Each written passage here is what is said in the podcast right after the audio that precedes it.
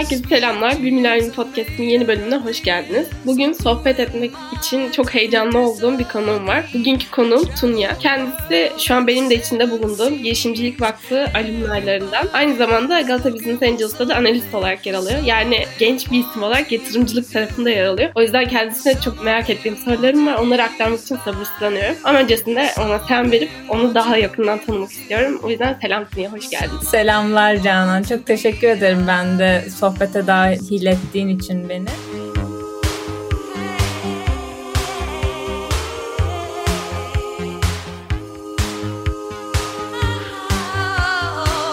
Dediğim gibi ben analist olarak çalışıyorum şu an Galata Business Angels'ta. Ama aslında biraz çekirgeyim diyebiliriz şu an. Yani sütten oyuncuyum diyebiliriz hatta yani 8 ay olmadı henüz. Yeniyim. Şu anda hani ne yaptığımızı soracak olursan da GB olarak aslında erken aşama girişimlere yatırım yapıyoruz. Ağımızda bulunan melek yatırımcılarla beğendiğimiz geleceğini iyi gördüğümüz, uluslararası büyüme imkanı olan, potansiyeli olan şirketlere yatırım yapıyoruz ve yatırımcılarla buluşturarak yapıyoruz bunu. Süper. Yani bu kadar genç yaşta böyle bir sektöre girmem bence gerçekten çok böyle insanı heyecanlandıran yani merak ettiren bir şey. O yüzden ben hemen şöyle başlayayım. Şu an neler yaptığından bahsettin, nerede çalıştığından bahsettin, faaliyetlerinizden bahsettin. Aslında buraya geliş yolculuğunu biraz merak ediyorum. Hani hangi okulda okudun, hangi bölümü seçtin ve sonrasında nasıl buraya evrildin? Yani onu biraz merak ediyorum. İstersen oradan başlayalım. Tabii ki. Ya aslında ben Bilkent Üniversitesi Endüstri Mühendisliği mezunuyum. 2015 yılında girdim Bilkent Üniversitesi'ne. 2020 Haziran ayında da mezun oldum. Daha sonrasında Ağustos'un son haftası da GBA'da analist olarak başladım. Aslında bölüm seçimim çok böyle bilinçli bir seçim değildi. Aslında neyi sevdiğimi biliyordum, ne yapmayı sevdiğimi biliyordum. Matematiği, feni çok seviyordum. O yüzden zaten lisede de MF'yi seçmiştim. Yani matematik zaten benim ailem de ikisi de matematikçiler. Annem de babam da. Annem lisede öğretmen, babam da üniversitede öğretim üyesi. O yüzden böyle matematiğe her zaman bir şeyim vardı, sevgim vardı.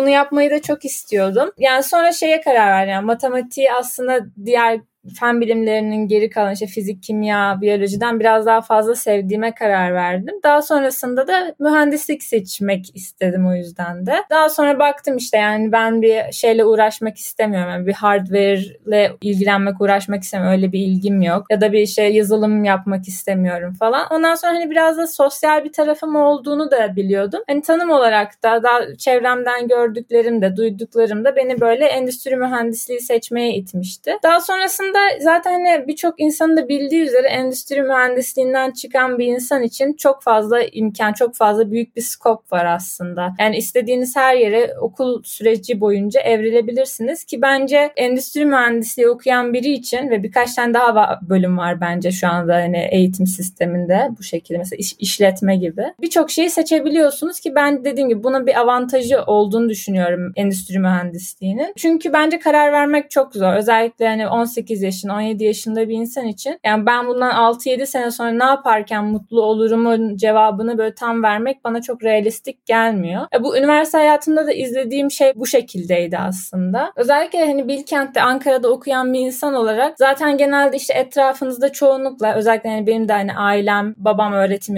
annem öğretmen hani etrafta hep memurlar, doktorlar, mühendisler var. Savunma sanayinde çalışan vesaire. O yüzden hani sizin de aklınıza gelen şey daha daha çok yani bir endüstri mühendisliğinden çıkarsam ne olur? E biz zaten şey görüyorsunuz. Üniversitede danışmanlık şirketleri geliyor, FMCG şirketleri geliyor. Onlar sunum yapıyorlar falan. Özellikle Ankara'da okuyan bir öğrenci için genelde böyle zihnin gittiği yer, kariyer yolunun çizildiği yer genelde daha çok kurumsal bir yer oluyor. Daha düzenli, daha kurumsal, daha structured olabileceğini düşünüyorsunuz çünkü. Hatta bunun dışında başka bir dünya olduğunu da çok çok sonra öğreniyorsunuz ya da öğrenmiyorsunuz da mezun olana kadar. Benim için bu açıkçası böyle gidecekti. Yani çünkü işte ben özellikle birinci sınıftayken hani bir de Bilkent'in eğitim sisteminde daha böyle çok akademisyen yetiştirmeye ya da bir üretimde birini yetiştirmeye yönelik. Hani ben de açıkçası böyle bir savunma sanayide mi acaba şey yapsam hani üretim kariyeri düşünsem falan diyerekten ikinci sınıfın yazında üç tane üretim stajı yaptım. Tabii bundan önce şunu da görmüştüm yani. Hatta tam böyle hazırlık zamanı biraz hani İngilizcemi geliştireyim diye böyle kulüpleri araştırıyordum. İşte yurt dışındaki şeyleri araştırıyordum. Bilkent'te de European Students of Industrial Engineering and Management yani kısaltımı STEAM adında bir kulübün çok büyük çaplı 60-70 bin öğrenciyi o zaman kapsıyordu. Şimdi kim bilir kaç kişidir. Onun bir local grubu vardı şeyde. Yani 7 branchinden bir tanesi Türkiye'deki Bilkent Üniversitesi'nin içindeydi. Ben de orada aktif olarak rol almaya başladım. İşte oranın biraz daha böyle başlangıçta iç işleriyle ilgilenmeye başladım. Daha sonra böyle iyi düzenli çalıştığım için işte bir tane council meetingde Esteemer of the Year seçildim 60 bin öğrenci içerisinden. Beni inanılmaz motive etmişti. Daha sonra oradaki etkinliklerde de seyahat etmeye başladım. Avrupa'ya, Polonya'ya falan gittim. Ya burada da şeyi gördüm çok net bir şekilde. Yani şey, akranlarım ya da benden bir yaş, iki yaş büyük ya da bir yaş, iki yaş küçük insanlar böyle startup kurmuşlar, yatırım alıyor. Bunu aralarında konuşuyorlar falan. Dedim ya acaba yani bu benim çevremde neden yok? Yani hani bu Türkiye'de ne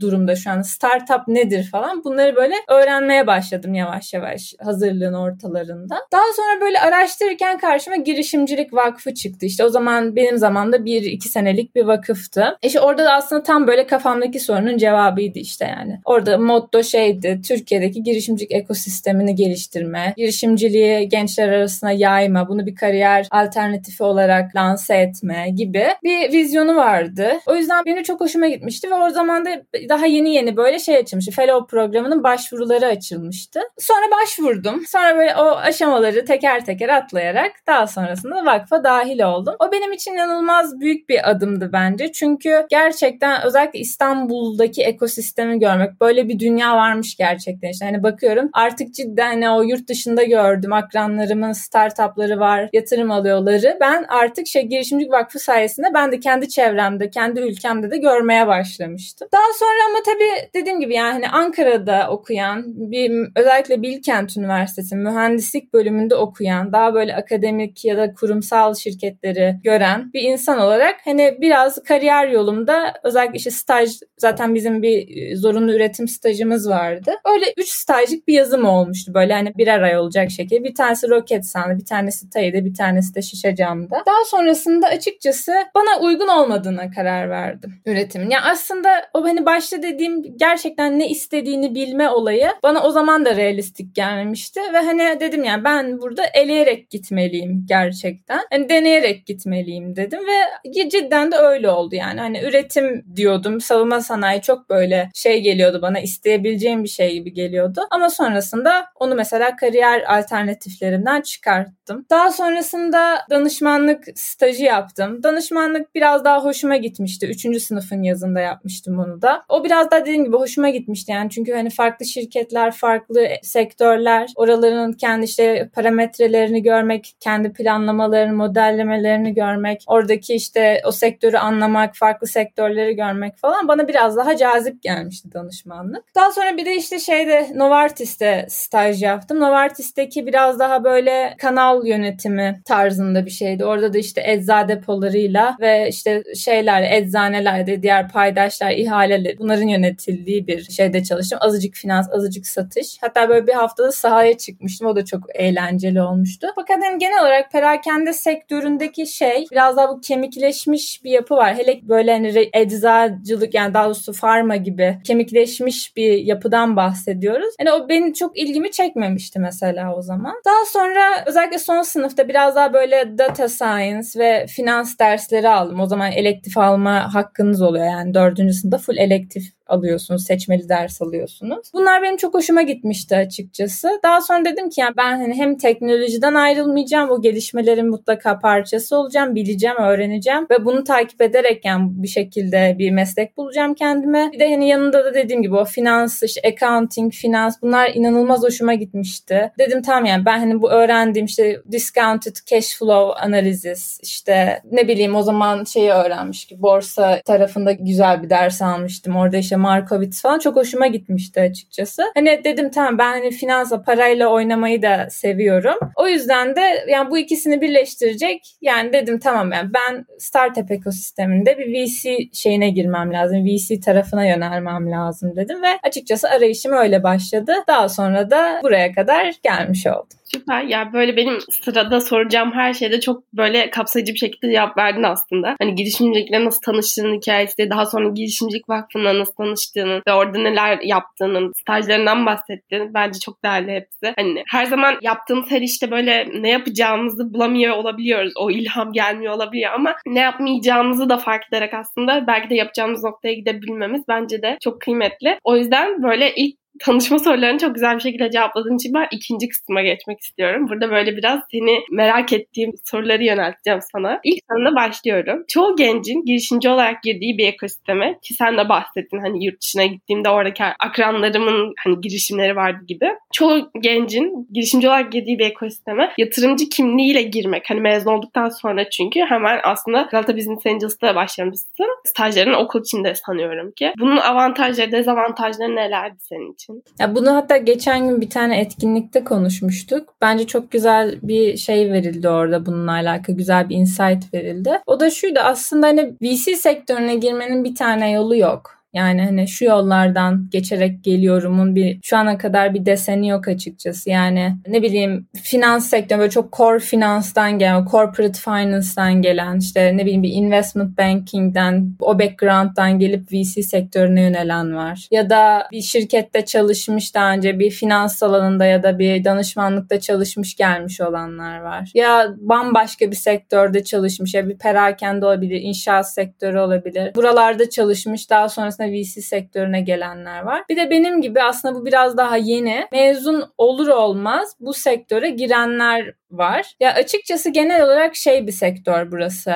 Özellikle Türkiye ekosistemi ama sadece Türkiye değil aslında globalde de çok böyle diğer sektörlere nazaran olgunluğunu kazanmış bir sektör değil VC sektörü. O yüzden de tabii ki tahmin edilebileceği üzere arzda azlık var aslında talebe göre bir dengesizlik var. Çok insan girmek istiyor çünkü günün sonunda biraz böyle şey işte tam böyle bizim jenerasyonun aslında daha çok böyle sevdiği hani biraz daha lifestyle işi yani biraz daha entelektüel boyutu olan bir iş. Sürekli teknolojiyi takip ediyorsunuz. Sürekli gelişmeleri takip ediyorsunuz. Andreessen Horowitz neye yatırım yapmış? işte Sequoia nereye yatırım yapmış? Kimler IPO yapmış? Bunları sürekli takip etmeniz gereken bir meslek. O yüzden şu sıralar özellikle bizim jenerasyon tarafından da çok ilgiyle bakılan bir sektör burası. Tabii ki mezun olur olmaz girmenin avantajları ve dezavantajları var. Önce hatta dezavantajlarından bahsedeyim. Ya özellikle bir sektörü görmeden ya da bir sektör hakkında çok büyük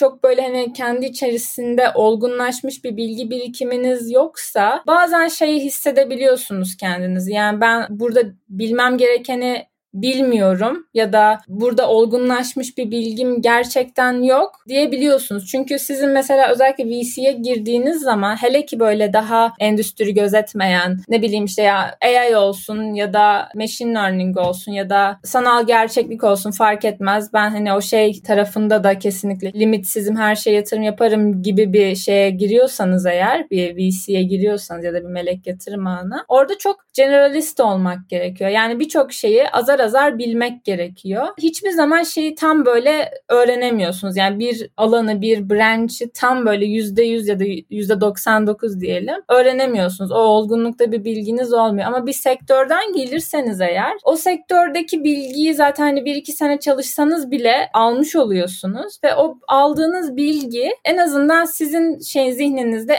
bir alanda özellikle bir şeyler bildiğinizi şey yapıyor. Yani orada bir özgüven oluyor.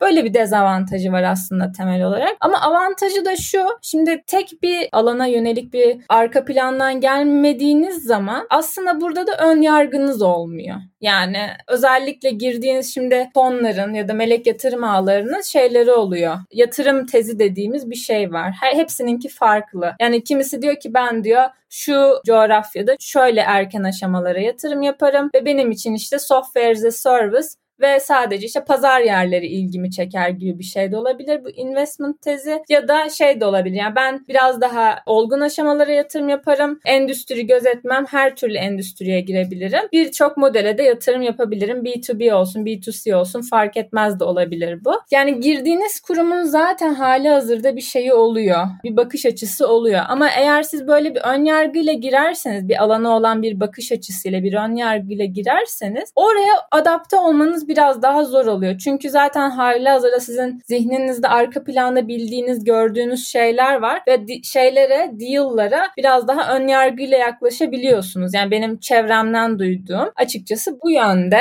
Bu şekilde özetleyebilirim aslında. Ben bu arada bu düşünceye çok katılıyorum. Eminim sen hani bunu daha iyi deneyimlemişsindir ama ben de şu an şeyde çalışıyorum. Bir danışmanlık firmasında çalışıyorum. Kurumlara girişimcilik yetkinliği kazandırmaya çalışan. Ve biz de böyle çok farklı kurumlarla çalışıyoruz. Bilmediğim sektörler olabiliyor. Ben biyomedikal okuyorum ama bilmediğim birçok sektörle çalışabiliyoruz. Atıyorum Sabancı DX'de çalışıyoruz mesela. Oradaki teknolojilere yetişemiyor olabiliyorum. Dediğim gibi bu böyle bana da bazen dezavantajmış gibi hissettiriyor. Hani diyorum ki daha pişmemişim, olmamışım. Buradaki insanlar 10 yılın üstünde bu alanda çalışıyor ve hani onlar bu alanda bir şeyler geliştiriyorlar gibi geliyor. Ama bir yandan dediğin gibi çok fazla sektörde çalıştığım için ve özellikle daha pişmeden bu alanlarda çalıştığım için yani görebildiğim için ben de aslında birçok şeyi sünger gibi böyle kapabiliyorum. O yüzden dediklerine katılıyorum ve bence güzel bir paylaşım oldu bu. O zaman diğer soruma geçiyorum. Yatırımcılık tarafında çalışıyorsun işin ve hani aslında hani başlığından anlaşılabileceği için yatırım hani içinde para barındıran bir şey. Gerçekten bu alanda çok para var mı? İşte gençler gerçekten böyle bir şey seçmeli mi? O alanda merak ediyorum. Şey aslında söyleyeyim. Burada maaş anlamında mı söylüyorsun yoksa gerçekten sektörde piyasada sermaye var mı anlamında? Hangisi?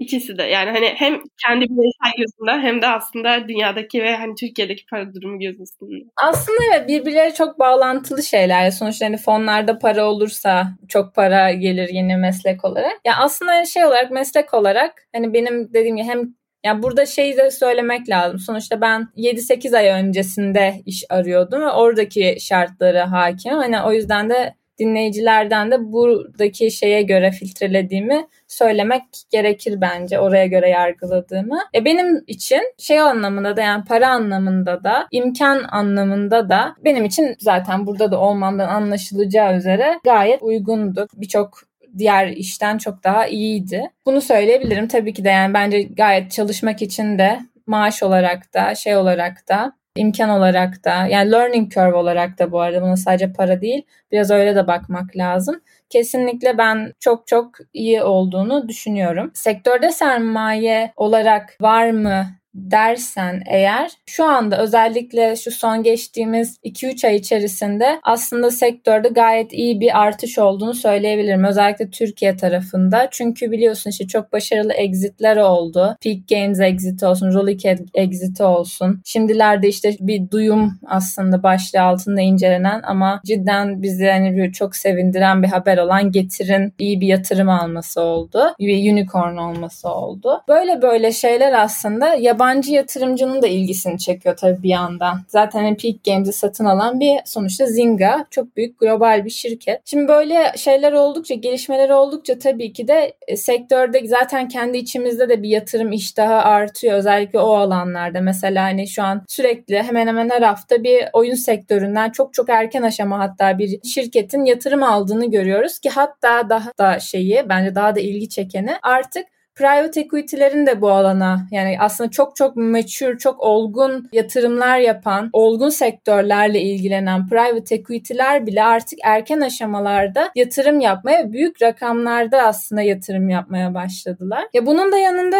sadece yabancı ve yerli yatırımcı olarak değil aslında şu anda hani devletin de desteğinin arttığını görüyoruz. İşte bu İstanbul Kalkınma Ajansı'nın aslında iç kendi içinde kurmaya başladığı bir fonların fonu var şimdi yeni kurulacak fonlara bir destek yapmaya çalışıyor. Aslında bunun da hani devletin de ya da işte bu kuruluşların da bu ekosisteme böyle parasal bir destek vermesiyle ve fonları desteklemesiyle hem zaten kurulacak fon sayısı artacak. Önümüzdeki 2-3 ay içerisinde zaten bunları göreceğiz ki şu anda zaten hala böyle her gün bir yeni bir fon duyuyoruz. Yeni bir fon açıldığını duyuyoruz ki duymaya da devam edeceğiz yani. Hem sayı olarak hem miktar olarak aslında çok çok iyi bir duruma gelmiş bulunuyoruz bence sermaye olarak da. Bence çok çok güzel böyle noktalara değindin. Çünkü işin hem girişimci olursan neler oluyor, ne olup bitiyor noktasında o yatırımcılık piyasasını çok iyi anlattı. Hem eğer hani bu yola girişimci değil de farklı bir şekilde çıkarsam hani beni neler bekliyor, nasıl avantajlar bekliyor noktasında bence çok güzel aktarımlar yaptı. O yüzden çok teşekkürler. Ya burada şey söylemek lazım. Çok pardon. Bir şey daha eklemek istedim şu anda bu güzel sorunun devamına. Yani mesela şu anda Startups Watch'un galiba raporunda şey çok güzel böyle bir veri vardı. Ya yanlış hatırlamıyorsam 139 milyon dolarlık bir yatırım yapıldı 2020 senesi içerisinde. Ve hani şöyle bir baktığımız zaman aslında bunların sadece yüzde biri bu later VC stage dediğimiz yani seri C ve sonrası yatırımlar ve bunlardan %12'si sadece yine yani bu 139 milyon dolarlık yatırım e, miktarının toplamdaki sadece %12'si seri AB ve geri kalan %87'si tohum aşama yatırımları. Ya bu aslında şeyi şimdi ben biraz da melek yatırımcılık sektöründen de bakmak istiyorum olaya onu da belirtmek isterim ki o da şudur yani melek yatırımcılığın bence çok çok artması lazım. Şu anda bence kanayan yarası ekosistem melek yatırımcılığın olması gerekenden daha geride olması. Ya şu anda hani bununla alakalı güzel çalışmalar var. Yeni ağlar kuruluyor. Bazı insanlar bireysel olarak akredite olmaya çalışıyorlar. Ama şöyle bir baktığımız zaman ya bunu destekleyecek, motive edecek şey bir melek yatırımcının exit yapması ki bu zaten üç yollu oluyor. Bir, bir tanesi hepimizin bildiği son zamanlarda dediğim gibi şey bu Peak Games'de gördüğümüz, Rolik'te gördüğümüz M&A diye şey yapabiliriz, adlandırabiliriz bunu. İkincisi secondary market. Yani sizin mesela bir melek yatırımcının daha sonraki aşamalarda hisselerini bir VC'ye satması ya da üçüncüsü ve ülkemizde şu ana kadar hiç olmayan IPO. Şimdi ikinciye değinelim aslında. İkincisi çünkü aslında melek yatırımcılığın doğasında olan ve en çok ideal olan senaryodur secondary market. Ama şöyle bir baktığınız zaman %87'si tohum yatırıma giriyorsa ve yüz, sadece %13'ü VC aşamalarıysa e, melek yatırımcı burada hisselerini elden çıkartmakta zorlanıyor. Çünkü zaten hani fonların da hem sayısının az olması hem miktarların da şu ana kadar az olmuş olması sebebiyle de erken aşamada yatırım yapıp daha fazla çarpanla çıkmak istiyor tabii ki de fonlar ve erken aşama yatırımları yaptılar şu ana kadar. E şu anda mesela o devlet desteğiyle birlikte ben o %13'lük şeyin 2021 yılı sonunda daha da artmış olmasını bekliyorum. Bununla birlikte de melek yatırımcılık da artacaktır diyorum. Bununla alakalı mesela çok güzel örnekler var. Mesela SEIS, EIS gibi şeydeki İngiltere'deki. E, burada mesela %30 ila %50'sini yatırımın vergi indirimi olarak faydalanabiliyorsunuz İngiltere'deki melek yatırımcıysanız. Ya da eğer tamamen kaybederseniz vergi indirimini ve kalanını gelir vergisinden tamamıyla düşebiliyorsunuz gibi gibi imkanları var. Şu an bununla alakalı bireysel katılım imkanı var. Burada akredite olabiliyorsunuz ama burada da geliştirilmesi gereken şeyler var. Mesela bunlardan bir tanesi işte İngiltere'de girişimin kendisi gidiyor bu grant'a başvuruyor ve eğer alırsa kendi yatırımcısına gidiyor. Diyor ki bak böyle bir grant'in parçasıyım ben. Eğer bana yatırım yaparsan bu indirimden faydalanacaksın diyor. Türkiye'de ise buna yatırımcıların kendileri şey yapıyor mesela dahil oluyor kendileri uğraşmakları gerekiyor gibi gibi şeyler var. Bence ya bu son eklemen çok kıymetliydi. Çünkü hani şey yani bizim jenerasyonda ve benim hani kendi arkadaşlarımda da gördüğüm ya bir yere gideyim 200 milyoncu çalışanı olayım yerine aslında daha etkisi yüksek bir girişim kurayım. Hem kendimi oraya vereyim hem de aslında kendimi geliştireyim. Çünkü ya bilmiyorum buna katılır mısın ama önceki konuklarımla da ele aldığımda bunu çok gördük. Böyle çok çok büyük kurumlara girmek aslında bir yandan sadece senin yapılacakların olması ve onları tamamlaman üzerine gibi gidiyor. Ama aslında girişimcilik yolunu seçtiğinde insanlar ya da hani böyle bir kariyere gittiğinde ya da startuplarda çalıştığında diyeyim e, daha büyük sorumluluklar alabilecekleri ve daha çok gelişebilecekleri alanlar oluyor. O yüzden de birçok öğrenci hani kendi arkadaşlarımda aldığım konuklarda olsun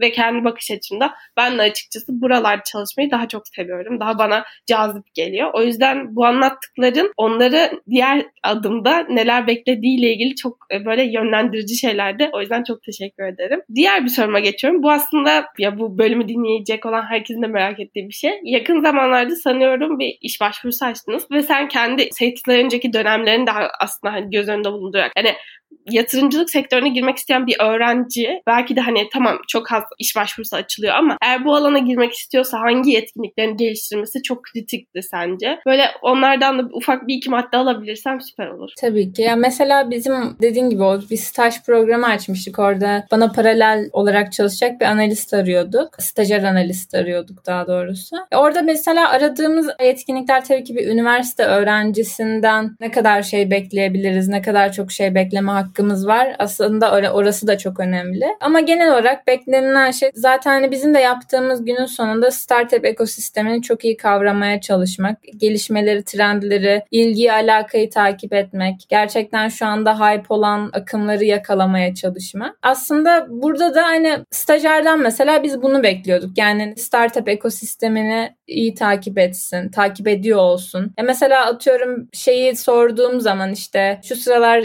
dikkatini çeken bir haber oldu mu dediğim zaman bana işte güzel bir e, şeyi söyle örnek haber örneğini söyleyebilecek o mesela işte ne bileyim en azından haftanın bir günü haftanın bir 10 dakikasına ve biraz değil şöyle bir en azından başlıkları okumaya şey yapan bu, bu sektörü merak eden birini arıyorduk aslında. E bunun yanında da tabii ki de şey çok önemli. Hani startup ekosistemindeki özellikle finansal bilgisi olsun. Çünkü bizim de yaptığımız şey daha çok günümüzün şöyle söyleyeyim %70'i startup tanımayla, startup araştırmayla geçiyor zaten. Kalan %30'unda da bunu şöyle bölüştürüyoruz. Yani bizim portfolyodan gelen ya da yatırım yapacağımız şirketlerin finansal bilgilerini analiz etmek, onları konsolide etmeye çalışmak, oradan bir şeyler çıkartmak, onların işte modellerini yapmak, farklı senaryolar düşünmek gibi gibi. Mesela bu finansal tarafı böyle. O yüzden mesela az da olsa, basit de olsa bir finansal bilgisi olsun. Çünkü şöyle şimdi ben sonuçta gelen stajyerin burada eğitilmiş olarak çıkmasını istiyorum günün sonunda ve hani basit finans bilgisi anlatacak kadar tabii ki de zamanımız yok ama en azından basit çok basic accounting bilgisi, basit finans bilgisi olsa hani en azından bizim yaptığımız şeyleri de gözlemler. Hatta belki de bir katma değeri de olur. Belki de hatta verileri incelemesi için ondan bir şekilde yardım isteriz ya da en azından bizim yaptığımız şeyi anlar oradan bir şeyler çıkartır. Açıkçası bu. Süper. O zaman diğer sorularıma geçiyorum hızlıca. Bugüne kadar iyi ki katılmışım dediğim bir deneyimin. Yani bu bir staj da olabilir, etkinlik de olabilir ya da katıldığım bir program da olabilir. Hani iyi ki katılmışım çünkü hayata bakış açımı değiştir dediğim bir deneyim. Ya şu ana kadar katıldığım hiçbir şeyden pişmanlık duymadım onu söyleyebilirim. Yani katıldığım işte üniversitedeki öğrenci kulübü bana çok güzel arkadaşlar kattı, çok güzel çalışma disiplini kattı. Esteem yine uluslararası bir kültürel bir bilinç kattı. Daha sonrasında girdiğim girişimcilik vakfı zaten seninle bile hani tanışmamızın sebebi aslında girişimcilik vakfı ona şey yapan onu sağlayan girişimcilik vakfı zaten bu ekosisteme olan şeyim de yani temasının da ilk aşaması girişimcilik vakfı olduğu için açıkçası özellikle girişimcilik vakfına çok minnettarım şu ana kadar ki desteğinden ve beni bu kadar böyle güzel insanlar tanıştırmasından ötürü. Bütün stajyerimden de çok memnunum. İyi ki katılmışım. Çünkü en azından çok büyük ölçüde ne yapmak istemediğimi öğrendim ki konuşmamızın başında da söylemiştim hatırlarsan. Ne yapmak istediğini seneler öncesine özellikle böyle çok deneyimsizken ya ben işte atıyorum danışman olacağım ya da ben atıyorum üretim mühendisi olacağım demek bana çok realistik gelmiyor. Ama en azından böyle küçük küçük deneyerek oradaki ortamı, oradaki iş tanımlarını görerek bence insan burada ne yapmak istemediğini en azından eleyebiliyor ya da acaba ne yapmak isteyebilirimi de görebiliyor tabii ki. O yüzden ben bütün şu ana kadar katıldığım şeylerden çok çok memnunum. Beni buraya getirdi şu ana kadar yaptığım her şey, katıldığım her şey. O yüzden her şeyi, hepsini iyi ki yapmışım, iyi ki katılmışım, iyi ki dahil olmuşum. Bence süper bir yanıttı. Ben de bu gözle bakıyorum. Diğer soruma geçiyorum. Bugüne kadar iyi ki tanışmışım dediğim biri. Bu bir arkadaşın da olabilir, çalıştığın biri de olabilir ya da sadece dinleyip de ilham aldığım biri de olabilir. İyi ki tanışmışım dediğim biri. Çok çok zor bir soru bu. evet yani hani büyük ihtimalle senin hani böyle girdiğin ortamlara bakınca yani hani Yeşimcilik Vakfı'ndan eminim bir sürü kişiyle tanıştın ve hepsinden çok farklı ilhamlar aldın. Keza kendi geliştirdiğin yolda çok fazla insanla tanıştın. Ama ve bahsetmek istediğim bir varsa onları da duymayı çok isterim. Tabii ki yani yine aslında yani bir önceki soruya verdiğimin benzeri bir cevap vereceğim buna. Yani gerçekten şu ana kadar tanıştığım, sevdiğim, sevmediğim yani çünkü herkes herkesi sevmek zorunda değil, herkese iyi anlaşmak zorunda değil. Ama her türlü ben şu ana kadar tanıştığım herkes için çok memnunum. İyi ki tanışmışım o insanlar. Yine dediğim gibi beni bugüne bu şeye getirdi ve açıkçası şu ana kadar ki yani bilincimden, sosyal olarak stilimden, bireysel, kişisel stilimden, konuşma tarzımdan açıkçası şeyim yani ben oldukça memnunum. Çok mutluyum yani insanlarla kurduğum iletişimler beni çok mutlu ediyor. Açıkçası baktığın zaman hepsinden çok memnunum ama hani şöyle bir, bir kişi söyle dersen açıkçası aklıma şu anda yöneticim GBA'nın Managing Director'ı Ata geliyor. Hani diyeceksin ya sen de şimdi yöneticine yağcılık yapma diyeceksin belki. Ya ama Ata benim için bir yöneticiden çok daha fazlası aslında. Çok iyi bir yönetici bu arada gerçekten. Yani inanılmaz iyi bir ikili olduğumuzu düşünüyorum ben. Zaten çevreden de böyle şeyler alıyoruz. Yani işte cidden iyi bir ekip oldunuz diye. Ama ondan da ötesi aslında yani çünkü yani benim sonuçta hani zaten CV'me, LinkedIn'ime zaten bakanlar görecektir. Böyle çok büyük bir ne bileyim işte bir fonda staj yapmadım ya da hani böyle benim bu işte çok iyi olacağımı gösteren böyle somut bir şey yok aslında CV'mde. Şu ana kadar 3 tane üretim stajım var. Bir tane danışmanlık, bir tane şey. Ama ya Ata çok iyi bir analizci ve çok iyi bir dinleyici aslında. Hem beni çok iyi anladı ve beni böyle bir ekip arkadaşı olarak görme şeyini gösterdi. Böyle bir değer gösterdi bana. Onunla birlikte de dediğim gibi benim için sadece bir yönetici değil aynı zamanda çok iyi bir mentor. Her kafam takıldığında hiçbir zaman böyle ikiletmeden şey yapar, anlatır. Ya da bir şey yapamadığım zaman düzeltmem için beni yönlendir. Ya bu olmamış deyip bırakmaz. Ya şunu şöyle yap bak bundan sonra der mutlaka ya da en azından ya bak şurayı beğenmedim der. Ben onu düzeltmek için bir şeyler yapabilirim. Yani iletişimi çok açıktır ve beni şu ana kadar 8 ayda inanılmaz fazla şey kattı bana şu ana kadar. Çok fazla şey öğrendim. Bir de bir şeyi nasıl öğreneceğinizi bilmek de çok önemli bence. Bana Ata onu da öğretti. O yüzden iyi ki Ata'yı tanımışım yani. Çok güzel bir cevap. Ben de kendisiyle bir girişimcilik vakfı network oturumunda tanıştım. Bence de çok ilham verici biri. Eminim beraber çalıştığınızda da çok çok şey katmıştır dediğin gibi. Umarım böyle güzel yatırımlarınızı daha görürüz. Diğer soruma geçiyorum. Bu da bugüne kadar ilk kendimi geliştirmişim dediğim bir alan. Bu bir yetkinlik gibi. Hani aslında dedin ya hani mesela işe girerken finansal yetkinliğimin olması güzeldi. Kendine kattığım belki başka bir şey de olabilir. Bu hobiyi katıp daha sonrasında şey yaptın. Ama böyle Hani iyi ki yapmışım çünkü bu beni aslında bugüne getirdi ve bugünkü kimliğimi oluşturmada bayağı etkili oldu dediğim bir yetkinliği. Ben 7 yaşından beri piyano çalıyorum. Herhalde şu ana kadar kendime kattığım ilk ya bunu bugüne kadar bu kadar çalışmışım, bu kadar disiplinle buraya kadar gelmişim dediğim yetkinliğim kesinlikle piyanodur. Piyano çalmaktır. Ya gerçekten müzik çok güzel bir şey yani. Ya mesela ben oturup meditasyon yapmayı beceremiyorum. Ne bileyim böyle hani oturayım bağda. Her şeyi yaptım bu arada meditasyon yapabilmek için. Yani kendime Tibet çanı aldım. Meditasyon yastığı aldım. Zafu. Şey yapmaya böyle hani kendime yağlarla falan şey yapmaya çalıştım. Böyle burnuma koklata koklata falan böyle odaklanmaya çalıştım ama yani böyle çok yüzde yüz başarılı olduğumu düşünmüyorum. Ne zaman ki piyanonun başına oturuyorum böyle özellikle bu gece saatleri oluyor. O zaman cidden çaldığım şey dışında parmaklarımın hareketi ve kafamda hani o ezginin gidişatı dışında hiçbir şey olmuyor gerçekten o zaman tek bir şeye odaklanabiliyorum. Çünkü benim kafam inanılmaz kalabalık. Birçok şeyi ben mesela çok fazla takarım yani kafam. Hele ki bir şey yapmak isteyip de yapamamışsam o hala beklemedeyse, pendingse yani benim şeyimde. O beni inanılmaz rahatsız eder ve başka hani tek bir şeye odaklanamam. O kafamda mutlaka beni meşgul eder. Ama piyano çalarken kesinlikle kendime tamamen odaklanmış, tek bir şeye kendime odaklanmış olarak hissediyorum. E bu piyano bu arada bana çok daha fazla şey kattı. Yani kendime odaklanabilmekten çok daha fazlasıydı benim için. Bir kere sahne deneyimi, sahne bilinci kesinlikle insana çok özgüven katan bir şey. Çünkü bakışlarından, insanların beklentilerinden asla ama asla olumsuz etkilenmemeyi öğreniyorsunuz sahneye çıktığınız zaman, sahne bilinciniz, deneyiminiz olduğu zaman. Yine ya yani o kadar kalabalık içerisinde bile bir şeye odaklanabilmeyi,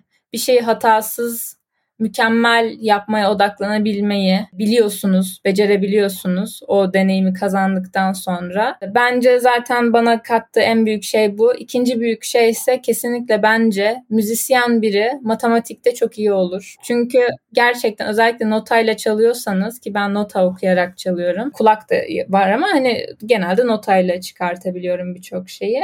Yani o nota olayı, notu okumak, bir kere zaten bir şeyi deşifre etmek, yani bir şey sıfırdan öğrenmek, yazanı takip etmek, onu hani sadece gözünüzle değil bir yandan zihninizle, kulağınızla ve parmaklarınızla hatta işte pedalda ayağınızla takip etmeye çalışmak insandaki birçok şeyi koordine ediyor bir anda. Vücudunuzda çok fazla şey dönmeye başlıyor ve birbiriyle harmoni içerisinde. Bence inanılmaz müthiş bir beyin jimnastiği ve tamamen bence sayısal şeyi, yeteneği tetikleyen bir deneyim piyano çalmak. Ben bu arada piyano çaldığını bilmiyordum. Öğrendiğime çok sevindim. Dinlemeyi de gerçekten çok isterim. Umarım fırsatımız olur. Umarım. Ve yani sana kattığı şeyler gerçekten çok güzelmiş. Hani dediğin gibi o sahneye çıkma ya bu sadece hani böyle gerçekten bir platforma çıkma gibi değil ama bu bir sunum yapma da olabilir. Birisine bir şeyi anlatma da olabilir. Bazen bu konularda kendimi çok özgüven hissettiğimiz olabiliyor böyle şeylerin bunu tetikliyor olması, böyle şeylerin bunu geliştiriyor olması bence güzel bir kazanım ve bunu paylaşman da güzel. Böyle bugüne kadar sorularında aslında biraz seni tanımaya, senin ilham aldığın şeyleri neler olduğunu deşifre etmeye çalıştık. O yüzden bence hepsi çok çok değerli ve böyle içten, gönülden cevaplardı. O yüzden teşekkür ederim. Şimdi biraz böyle hızımızı arttırıp hızlı sorulara geçiyorum. Hı hı. Burası da böyle aslında bizim jenerasyonumuzda kişiler neyi tercih ediyor onu merak ettiğim bir kısım. İlk sorumla başlıyorum. Daha önce bildiğim kadarıyla bir girişim stajında olmuştu. Evreka'da çalışmıştın yanlış hatırlamıyorsam. Hı hı. Şimdi yatırımcılık tarafında çalışıyorsun. Sence peki işin girişimcilik tarafı mı yoksa yatırımcılık tarafı mı? Ya aslında bence ikisinin de çok farklı heyecanları var ve girişimcilik olmadan yatırımcılık olmaz, yatırımcılık olmadan girişimcilik olmaz aslında. İkisi de bence zaten birbirini destekleyen yumurta tavuk ilişkisi diyebiliriz hatta buna. Ama benim için bence yani bir şeyi sıfırdan yaratmak ve o şeyi bir yere götürmeye çalışmak sanki böyle bir çocuğun bir bebeğin büyümesine şahitlik etmek gibi bir şey. O yüzden bence girişimcilik çok daha heyecanlı, çok daha zor bence girişimcilik ve çok daha kompleks. Yatırımcılık tarafı da kompleks ama yatırımcılığın çok daha farklı şeyleri var. Yani yatırımcılıkta daha riskli tarafı bu işin bence. Daha sorumluluk. Çünkü sorumluluk burada sadece kendinize değil özellikle mesela bir analist olarak ya da bir general partner olarak bir bir fonda. Sadece kendinize değil burada başkalarına da hem fonunuzdaki startuplara hem portfolyonuzdaki startuplara karşı hem içeride bulunan limited partnerlarınıza yani içerideki yatırımcılarınıza karşı bir sorumluluk da var. Bence çok daha yorucu, çok daha riskli tarafı bu, bu işin yatırımcılık tarafı. E, girişimcilik de çok riskli, çok şey yorucu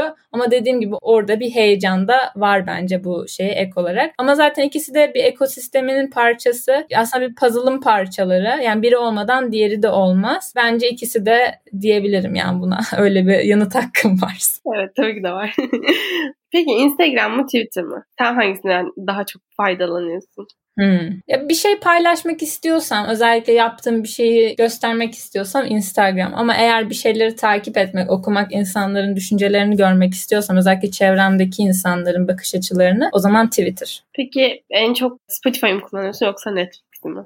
Netflix. Süper. O zaman diğer soruma geçiyorum. Sabah Gerçi çok pardon ya Spotify aslında belki de daha fazla kullanıyorumdur. Çünkü çalışırken mutlaka arka planda bir müzik istiyorum. O mutlaka böyle dönerek çalıyor. Ama hani böyle kendim açmak istediğim bir böyle boş zamanda müzik mi dinler Spotify mi kullanırsın yoksa Netflix mi? Tabii ki de Netflix. Aynen öyle. Ben de öyleyim. Diğer soruma geçiyorum. Sabah çalışmak mı yoksa akşam çalışmak mı? Sabah akşam. Biz sabah akşam çalışıyoruz. Aslında sabah çalışmak bana daha çok iyi geliyor.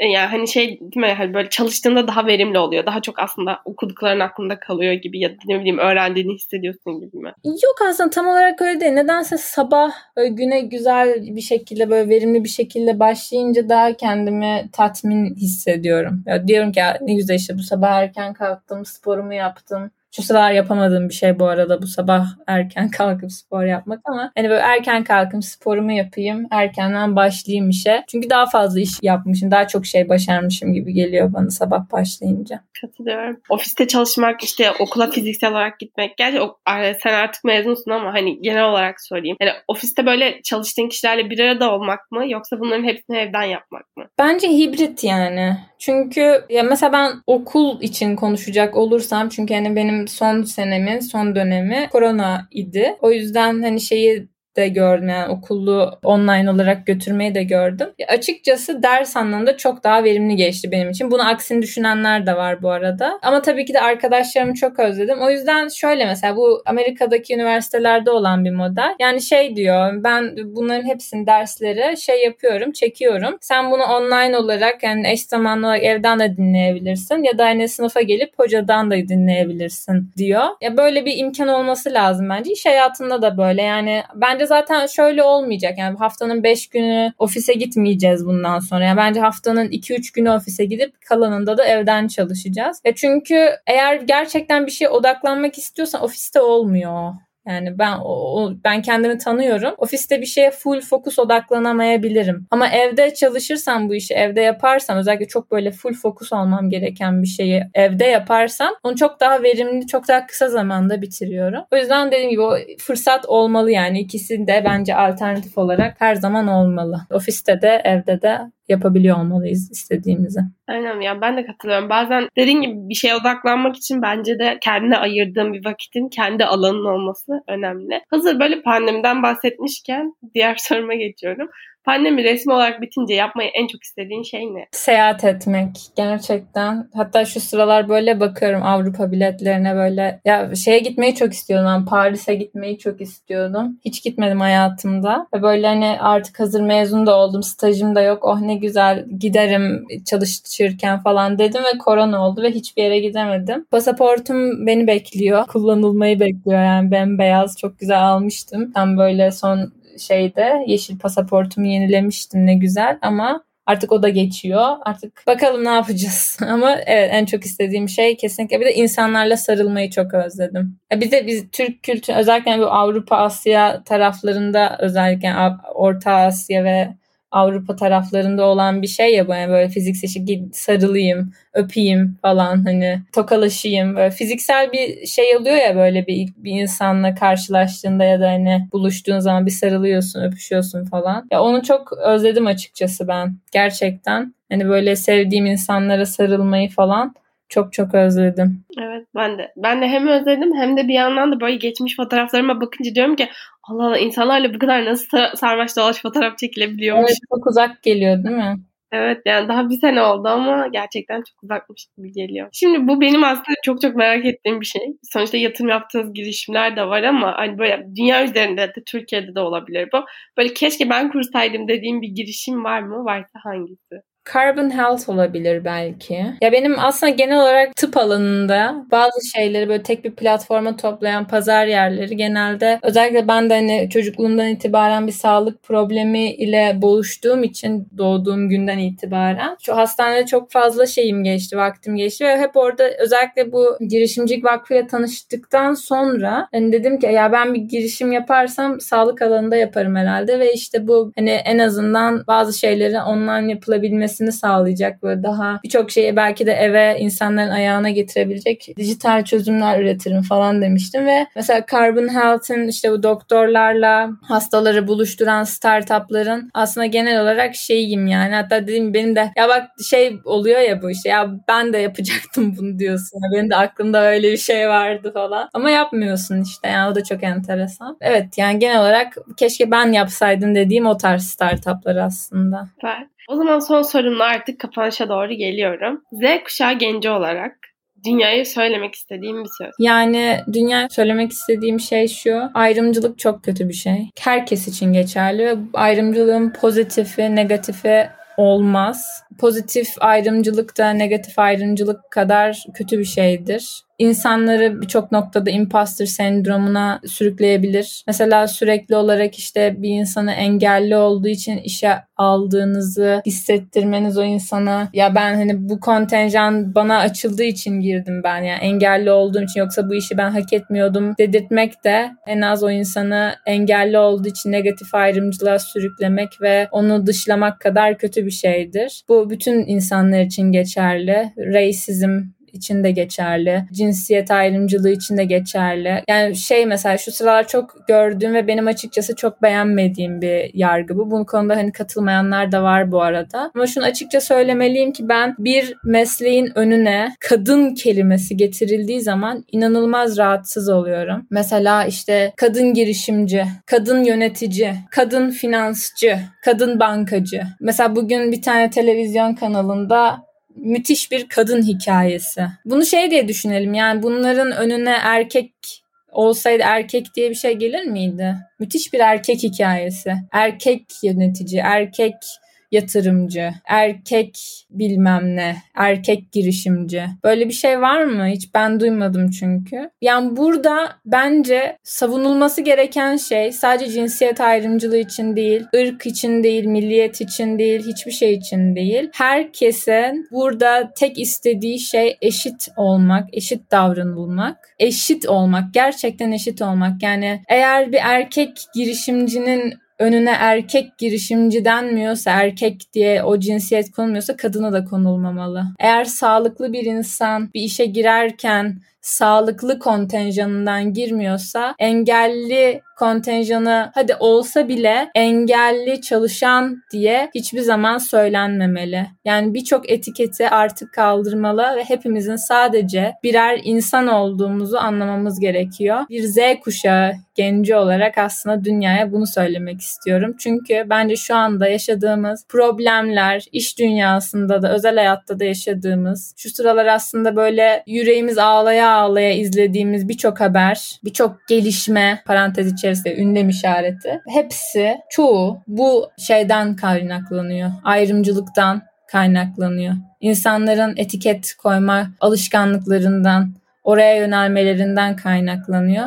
Bence dediğim gibi kısacası hepimizin insan olduğunu asla unutmamak gerekiyor. Başka da bir şey olmadığımızı. Yani hepimiz insanız, hepimiz canlıyız kesinlikle kimsenin kimseye bunun için bir etiket takmasına, bir farklılaştırmasına, bir ayrıştırmasına pozitif de olsa negatif de olsa hiç gerek yok. Aksine böyle şeyler bize zarar veriyor bence. Çok güzel söyledin. Ağzına sağlık. Ve tüm sohbet için de çok teşekkür ederim. Hani hem kariyerde çok iyi noktalara değindin hem bu son cevabının aslında ne kadar iyi bir kuşağın geldiğini de bence çok güzel yansıttın. O yüzden tüm sohbetin, tüm cevapların için açık, şeffaf ve samimiyetin için teşekkür ederim. Konuğum olduğun için. Ben teşekkür ederim Canan. Benim için de çok güzel, çok keyifliydi. Soruların da çok kaliteliydi. Ben de teşekkür ederim. Çok keyifle yanıtladım. Umarım sen de cevaplarımdan memnun kalmışsındır. Umarım güzel, senin de istediğin gibi podcast yapabilmişizdir. Harika oldu. Ben yani üzerine tek bir şey söyleyemem. Harikaydı gerçekten. Çok çok teşekkür ederim. Büyük ihtimalle ben böyle e, iletişim bilgilerini hani açıklamalar kısmına koyarım zaten. Eminim soru soracak olanlar olabilir. Onlara da hani buradaki samimiyetinle aynı şekilde cevap vereceksindir. O yüzden ben onları da eklerim. Tabii ki. Ben tanıştığımız için, daha yakından tanıştığımız için ve konuk olduğun için tekrardan teşekkür ederim. Gelecek bölümlerde görüşmek üzere. Görüşürüz Canan. Ben teşekkür ederim.